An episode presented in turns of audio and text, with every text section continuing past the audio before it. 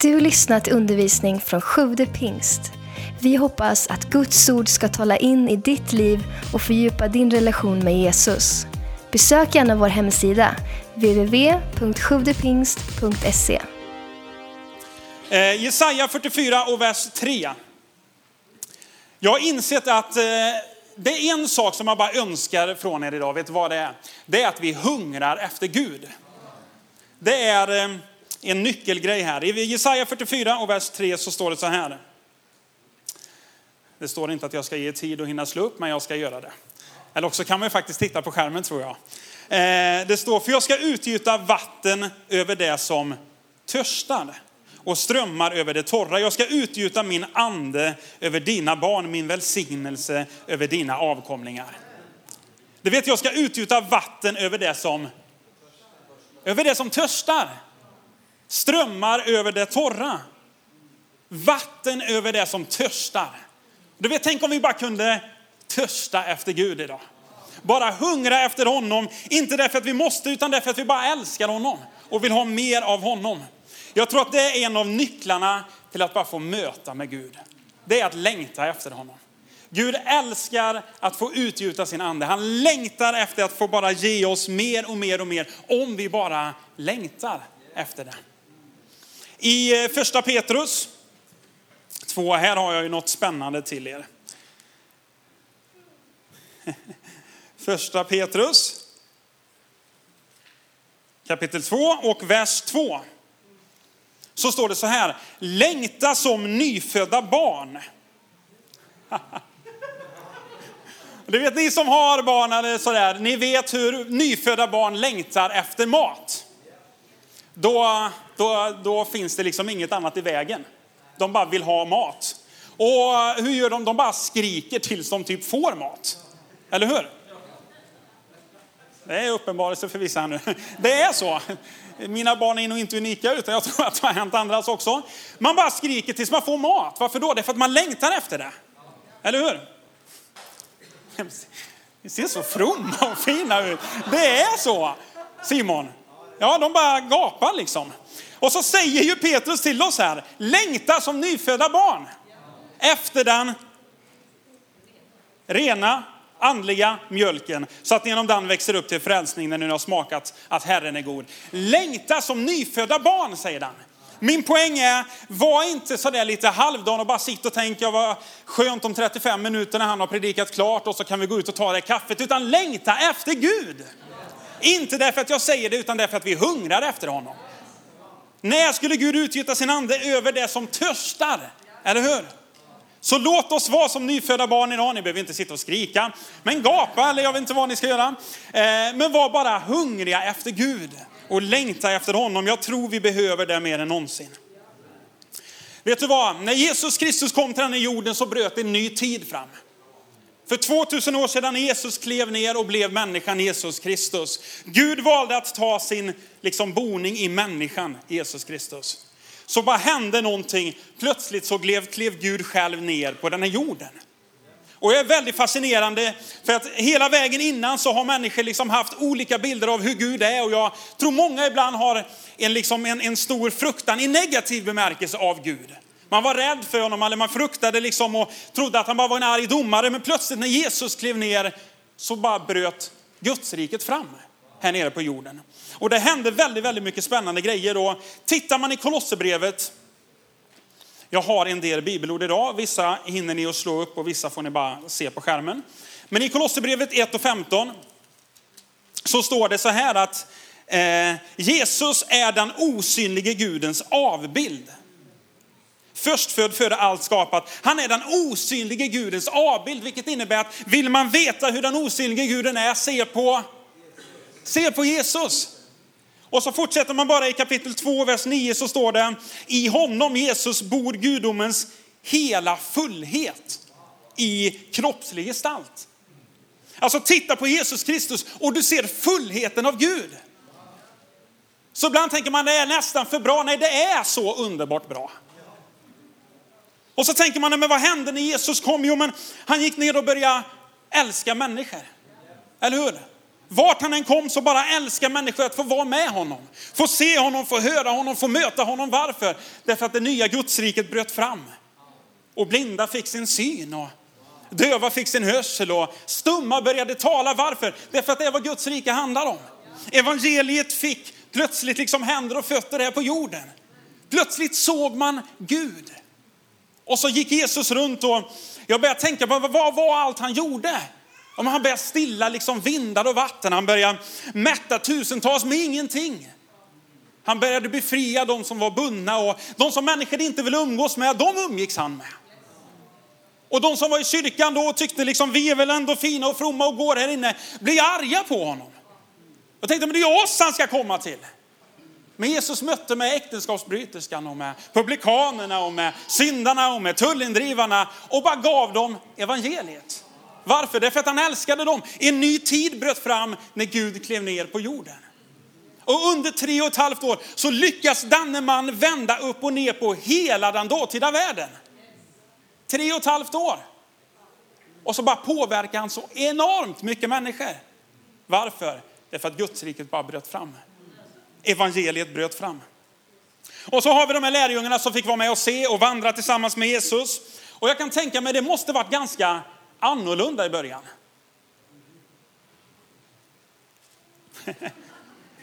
Att bara helt plötsligt följa med någon som öppnar blinda ögon. Eller plötsligt när någon spetälske kommer och ropar oren och man vet att man inte ska vara i närheten så går Jesus fram och rör vid honom och säger jag vill bli ren och så plötsligt försvinner all spetälska. Det måste ändå varit lite märkligt. Eller hur? Eller när man var ute i båten och plötsligt tittade upp och Jesus kommer gående. Ja, nu är det vardag för er, men det måste varit liksom superspännande. Eller hur? Eller han kommer där och liksom har bara några fiskar och bröd och mättar tusentals med människor. Eller när mannen kommer som var liksom bunden, som hade liksom så mycket demoner i sig som härjade. Ingen kunde vara med honom. Alla kände till honom. Han bodde ute i bergen. Och Jesus säger förmodligen ett ord, jag vet inte vad han säger, ut. Och så plötsligt blir han helt lugn, fri, en förvandlad människa. Och lärjungarna följer med och bara, det här är nog, det här är härligt. Men när lärjungarna vandrade tillsammans med Jesus så vandrade de ju med Gud. Har ni tänkt på det? Jag undrar, de undrar vad man frågar Jesus. Hur var det? Var du med när himlen spändes ut? Det finns ju ganska mycket antar jag som de har sagt till varandra som inte står med i Bibeln. Han sitter liksom och dricker kaffe på morgonen och käkar frukost och så bara, så hur hänger det här ihop Gud? Eller hur? Hur många planeter finns det egentligen? Eller hur långt bort är det? Eller hur hänger det liksom, hur är det här? Och så var Jesus deras hjälpare. Deras lärare som bara de kunde umgås med under den här tiden. Men samtidigt som de var med och Jesus sänder ut dem och de börjar göra samma grejer så börjar Jesus också tala och säger det kommer komma en annan hjälpare. Och jag vet inte om lärjungarna bara, ja ja ja det blir säkert underbart, nu har vi det här. Ofta är vi så. Vi tänker inte, nu har vi ju det vi har. Men så börjar Jesus tala och vi, vi ska titta i Johannes. Johannes brev kapitel 14.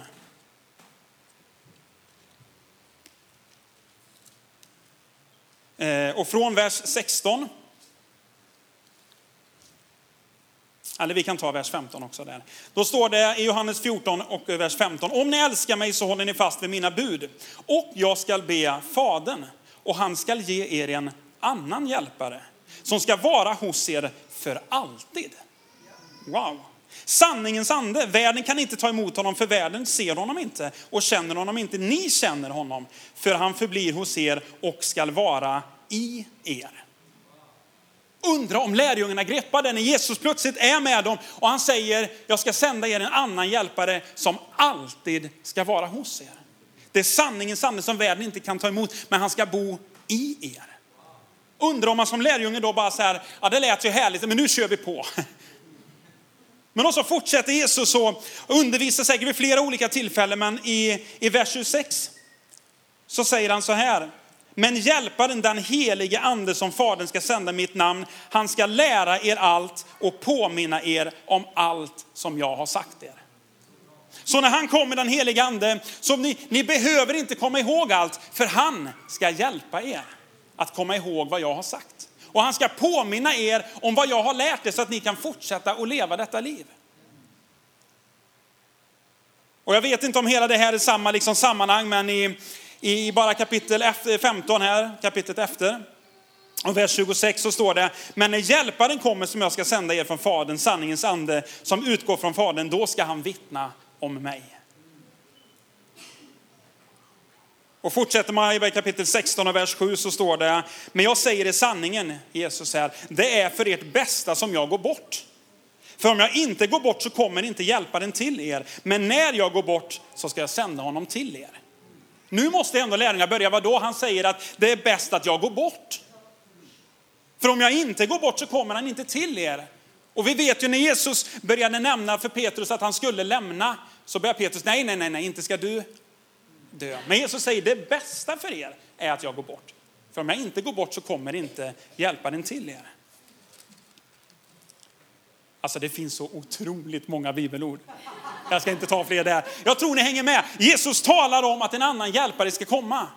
Och han talar om att han ska lida och dö. Men jag tror ändå inte riktigt lärjungarna hängde med på vad han menar. Men han talar ganska mycket om att det kommer någon efter mig.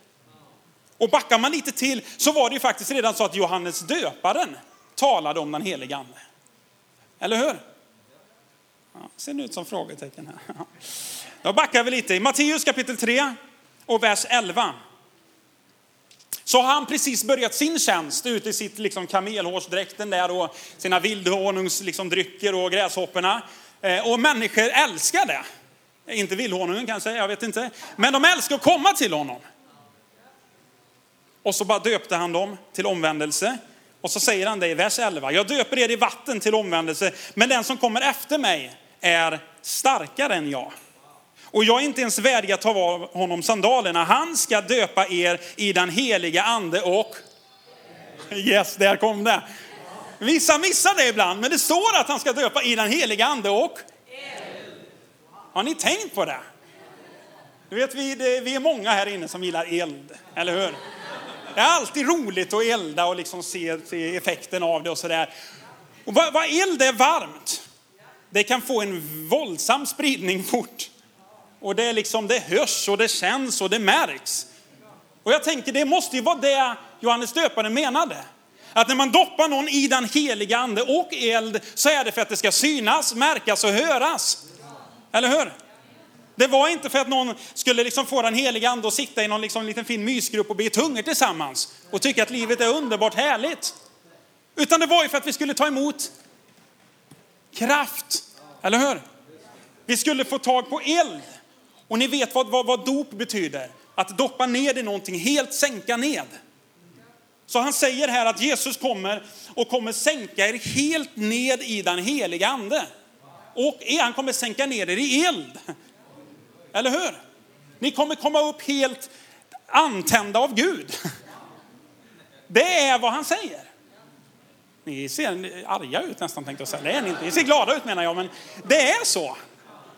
Det här är vad Bibeln säger. Så vem är den helige? Den helige ande är vår hjälpare. Han är Gud själv. Ibland så kan folk vispla till det och säga att han har någon osynlig, opersonlig kraft. Det är inte den helige ande. Den helige ande är en person, han är en del av gudomen. Han är en av tre, Fadern, Sonen och den helige ande. Det är ingen diffus kraft som svävar omkring, han är en verklig person. Han är högst närvarande här idag och vet du vad, han vill doppa dig i sig själv. Så att du kan gå ut härifrån fylld av den heliga ande och eld. Underbart det här. Så vad är det som händer? De tar Jesus, som jag backar tillbaka nu, och så spikar de upp honom på korset. Och lärjungarna flyr rädda, allihopa var livrädda och bara lämna. Och så ser de Jesus uppspikat på det träkorset. Och jag vet inte, men det måste ha varit mycket som snurrar runt i deras huvuden. Vad är det som har hänt? Vi har lämnat allting under tre och ett halvt år för att följa honom. Vad är det som sker? Vissa kom säkert ihåg, men han har ju talat om det, någon annan bara, jag ger upp allt. Jag bara går tillbaka till det jag gjorde innan. Och så bara börjar en väntan. En väntan och en väntan. Men så går de de tre dagarna från det att de har sett Jesus dö till att plötsligt höra att han har nog uppstått. Några har sett honom, andra har inte gjort det och så börjar det, han, han lever igen, ja men gör han det? Jag vet inte, jag har sett honom, jag har inte sett honom. Och så står det av rädsla så samlas man bakom låsta dörrar. Så lärjungarna samlas här. Det har gått liksom en dag, man är rädda, man vet inte vad som har hänt. Vissa säger att de har sett honom, vissa säger att han inte har uppstått. Och så kommer vi till Lukas 24.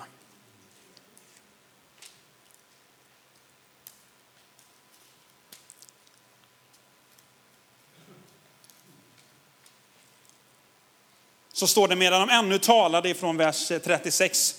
Medan de ännu talade om detta så stod Jesus själv mitt ibland dem och sade till dem, frid vare med er. Nu händer nästa grej, man är samlade bakom låsta dörrar och så står det plötsligt stod Jesus mitt ibland dem. Är man ännu mer rädd då eller? Ja, det står faktiskt att, eh, att vissa var uppskakade och rädda och trodde att det var en ande de såg. Men så hör de ju Jesu röst och så känner de igen honom. Så inser de, han har uppstått. Och så kommer vi till vers 46 och Jesus säger till dem, det står så skrivet att Messias ska lida och på tredje dagen uppstå ifrån de döda och att omvändelse och syndernas förlåtelse ska förkunnas i hans namn för alla folk med början i Jerusalem. Ni är vittnen om detta och jag ska sända över er vad min far har lovat, men ni ska stanna här i staden tills ni har blivit rustade eller beklädda med kraft från höjden. Så lärjungarna bara får instruktionen från Jesus, vänta, vänta. Ni ska om några dagar bli döpta i den heliga ande. Ni ska bli utrustade med kraft. Varför då? För att ni ska bli mina vittnen. För att ta evangeliet och riket om mig ut över hela världen. Men vänta, för ni kommer aldrig klara det på egen hand. Ni behöver en annan hjälpare. Ni behöver få tag på den heliga ande. Och när Lukas har skrivit det så fortsätter han i, i sitt nästa brev som heter Apostlagärningarna. Och ifrån vers 1, eh, kapitel 1 och vers 4 så står det vid en måltid med apostlarna så befallde han Jesus dem, lämna inte Jerusalem utan vänta på vad Fadern har lovat det ni har hört om mig. Johannes döpte med vatten, men ni ska om några dagar bli döpta i den helige ande. Och i vers 8, men när den helige ande kommer över er så ska ni få kraft och bli mina vittnen i Jerusalem, i Judeen och Samarien och ända till jordens yttersta gräns när den helige ande kommer över er. Så lärjungarna, de vet inte så mycket mer än att en hjälpare ska komma. De har varit tillsammans med Jesus, han har dött, han har uppstått och så lämnar han dem. Och så säger han vänta. Och vad väntar lärjungarna på? Vi tänker så här, ja, men de läste ju, läste ju bara texterna här. Ja, men det var ju de som skrev texterna.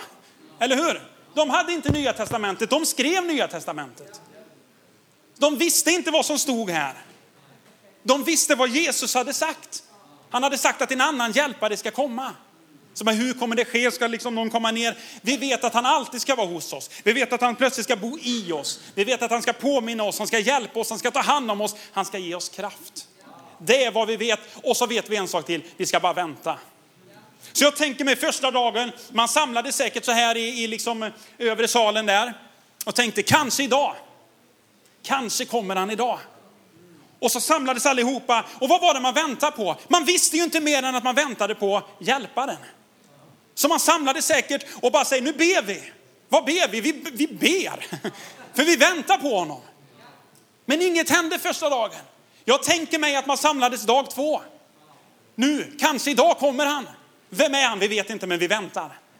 Inget hände andra dagen, tredje dagen, fjärde och så vidare. Och så kommer vi till den tionde dagen. Nu ser ni glada ut. Ni vet ju vad som händer. Så kommer den tionde dagen. Och så plötsligt så blev allt lugnt och stilla. Och man sjöng en sång. Nej, jag älskar det, det var ingen, jag skulle raljera det. Jag älskar när det är lugnt och stilla också, men vet du vad? Det var inte det som hände. Eller hur? Det var allt annat än lugnt och stilla. När pingstdagen kom och de alla samlade, då hördes plötsligt från himlen ett dån. Som när en våldsam storm drar fram. Alltså inte, inte den vanliga stormen.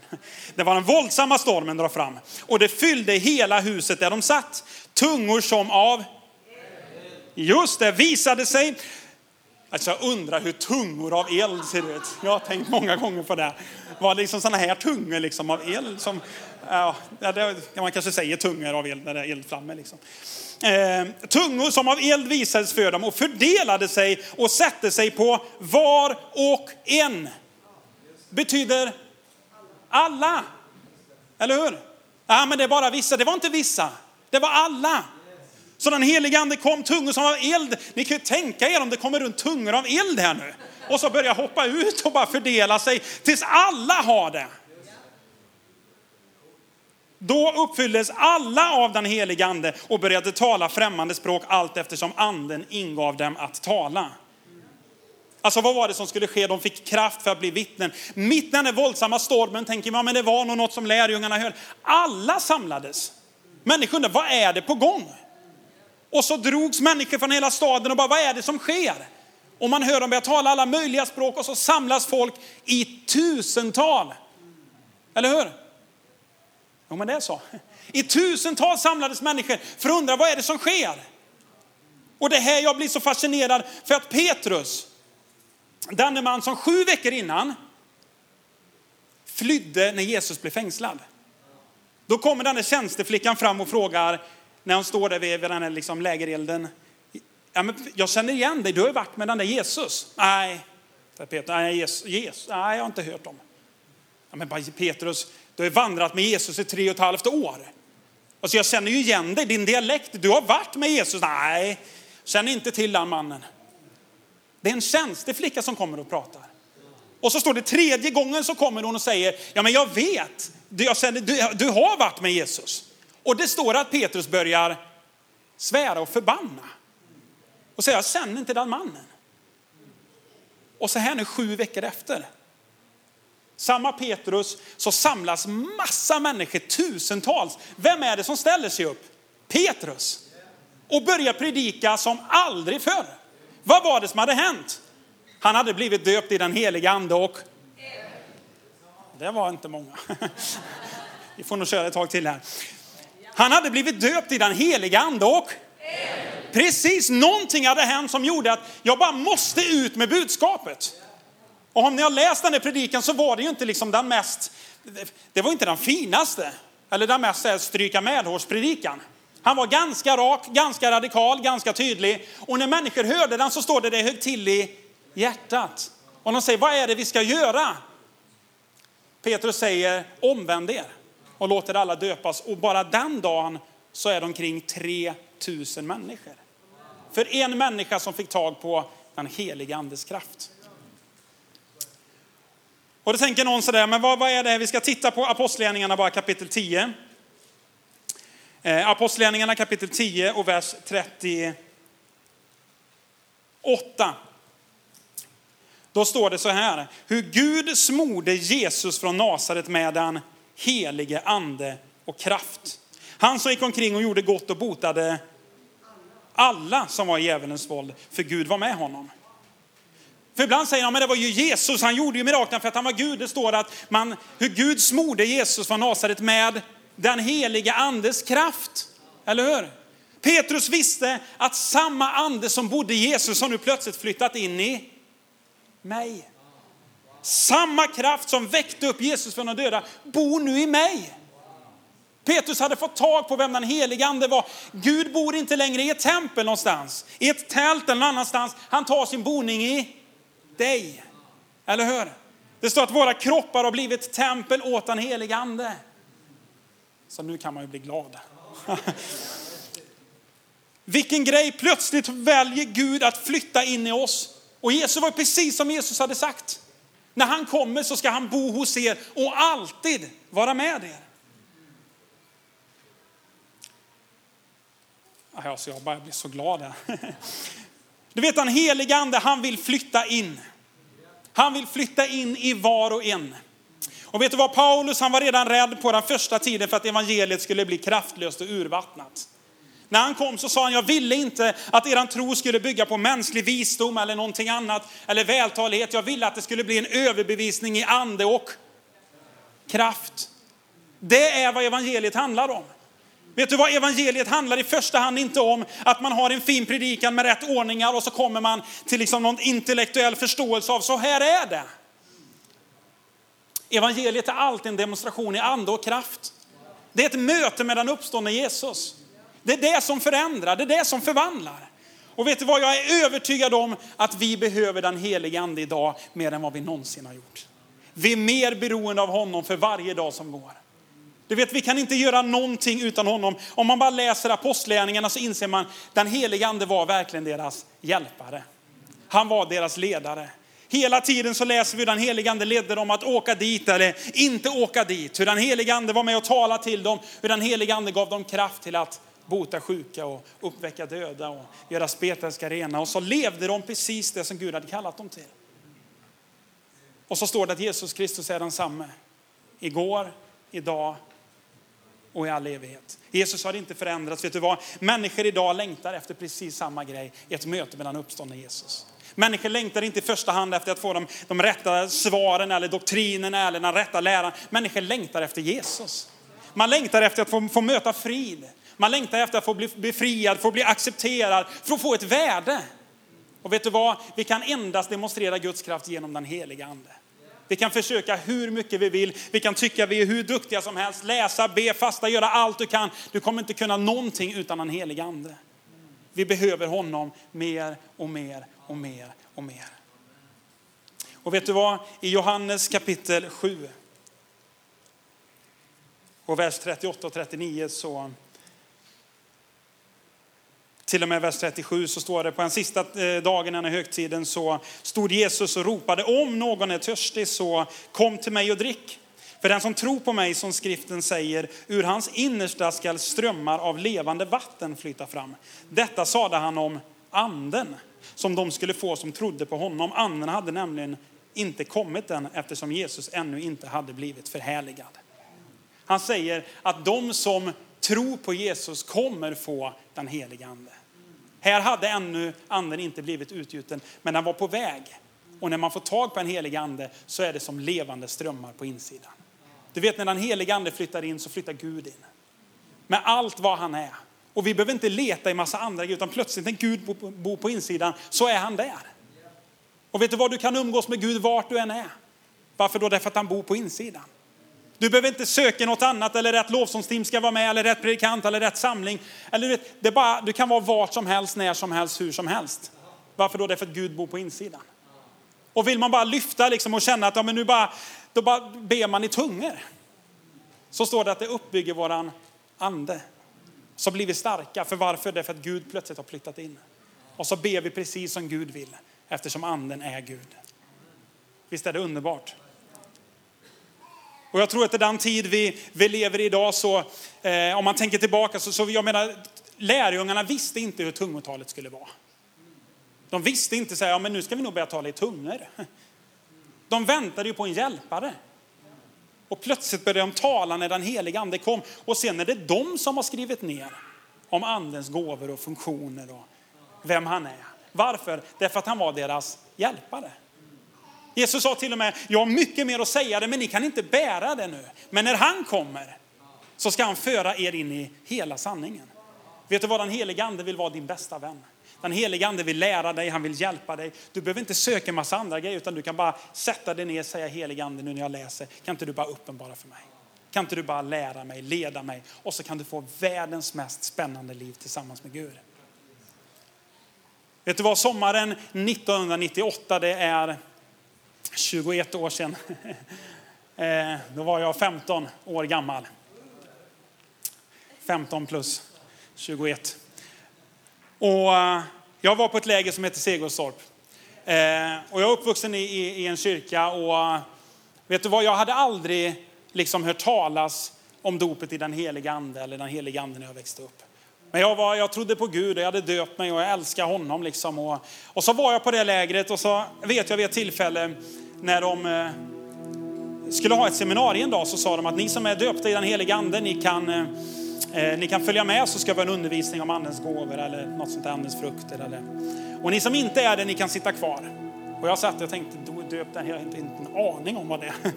Jag döpte mig förra året, det vet jag, är det samma grej för det var vatten jag döpte mig i. Eh, men så tänkte jag om, jag, om jag nu inte vet så är jag nog inte döpt i den heliga ande. 15 år gammal så sitter jag där och jag, ska jag vara ärlig, jag, jag kommer inte ihåg så mycket av den där undervisningen eller predikan.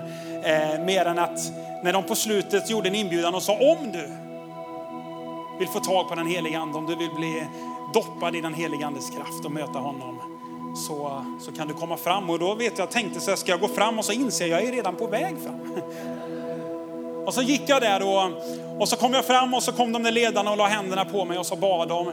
Och eh, vet du vad, jag, liksom, jag lyfte inte och såg inga änglar och flög inte iväg och tog en tur sådär utan jag stod där. Och de bad för mig och så bara kom Gud. Och du vet, jag kan inte förklara det där mer än att Gud flyttade in och bara doppa mig i den heliga Andes kraft. Och det var inget hajpat, det var inget konstigt, det var inget liksom märkligt. Men att Gud flyttade in. Vilket i sig är väldigt märkligt. Och så fick jag bara en sån kärlek till Gud, och en sån kärlek till människor. Och så bara, efter några dagar tror jag var, så, så började jag tala i tungor. Och du vet, så startade ett nytt liv. Om någon bara hade kunnat berätta det innan, tänkte jag säga. Alltså det blev ju helt, allt blev nytt. Jag kom hem och jag bara, wow, jag älskar att läsa Bibeln. Jag ville bara umgås med Gud. Jag tog min cykel, jag, vet inte, jag har kvar samma cykel än. Och jag var ute och cykla, bara jag kan få vara med Gud. Jag åkte ut på, du vet, eh, ut i ängar, ropa tänkte jag säga, varför jag var så hungrig efter Gud. Jag bara älskar, fanns ingenting som var så underbart som att vara med Gud. Och så säger människor ibland, säger, ja, men varför är du alltid så glad eller ditt leende eller vad är det där du alltid säger? Det är inte jag, det är Gud i mig. Vet du vad, jag gör mig inte förtjänt av något av det. Om människor ibland tycker, men du, blir du inte arg eller upprörd? blir jag visst det. Men vet du vad, Gud bor i mig. Jag är frälst bara av nåd. Jag har inte lyckats med något av det på egen hand. Men jag fick tag på den heliga ande så revolutionerades hela mitt liv. Och så startade en resa som jag skulle säga den är bättre idag än den någonsin har varit. För att det är ett liv tillsammans med Gud. Det är så spännande att vakna upp varenda morgon och veta vad kommer hända idag? Det är inget tråkigt liv att leva som kristen tillsammans med Jesus den helige Ande. Det är ju världens mest spännande liv. Det finns ju ingenting som går upp emot det. Och så läste jag innan här, inte för er men själv, i Lukas. Och jag tyckte det var så härligt i Lukas kapitel 11. Ni kan bara få lyssna här om ni vill. I Lukas 11 och 11 till 13.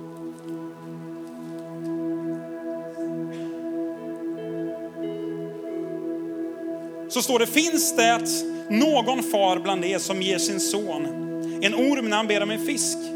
Eller en skorpion när han ber om ett ägg? Om ni som är onda förstår att ge goda gåvor till era, era barn, hur mycket mer ska då inte far i himlen ge den helige ande åt dem som ber honom? Hur mycket mer ska då inte far i himlen ge den helige ande åt dem som ber honom? Jag har två söner och jag älskar att ge dem grejer. Jag älskar att försöka skämma bort dem tänkte jag säga. Men när de bara lyser upp eller man får köpa några presenter eller man gör en överraskning och så ser man deras förväntan och du vet den där ögonen som bara lyser. Du vet, jag älskar, älskar, älskar, älskar det. Och så är det ingenting mot hur mycket Gud älskar att ge den helige ande åt de som ber honom. Så vet en människa ibland säger, men det gäller inte mig, det gäller precis dig. Alla blev uppfyllda av den helige ande. Alla började tala i tungor. Alla var ledda av den helige ande. Vet du vad, det är samma ande idag. Det är samma ande som är här för att du ska bli uppfylld av honom på nytt. Och människor i apostlagärningarna bedöpta döpta i den heliga anden när de la händerna på dem. Vissa blev det när de samlades och bad, vissa blev det under tiden Petrus predikade. Under tiden han talade så kom den heliga ande och så började människor tala i tungan. Vad var det som hände? Den heliga ande kom. Vet du vad, han kom på pingstdagen, sedan dess har han varit här. Tack för att du lyssnat. Glöm inte att du alltid är välkommen till vår kyrka. Du hittar mer info på www.sjuvdepingst.se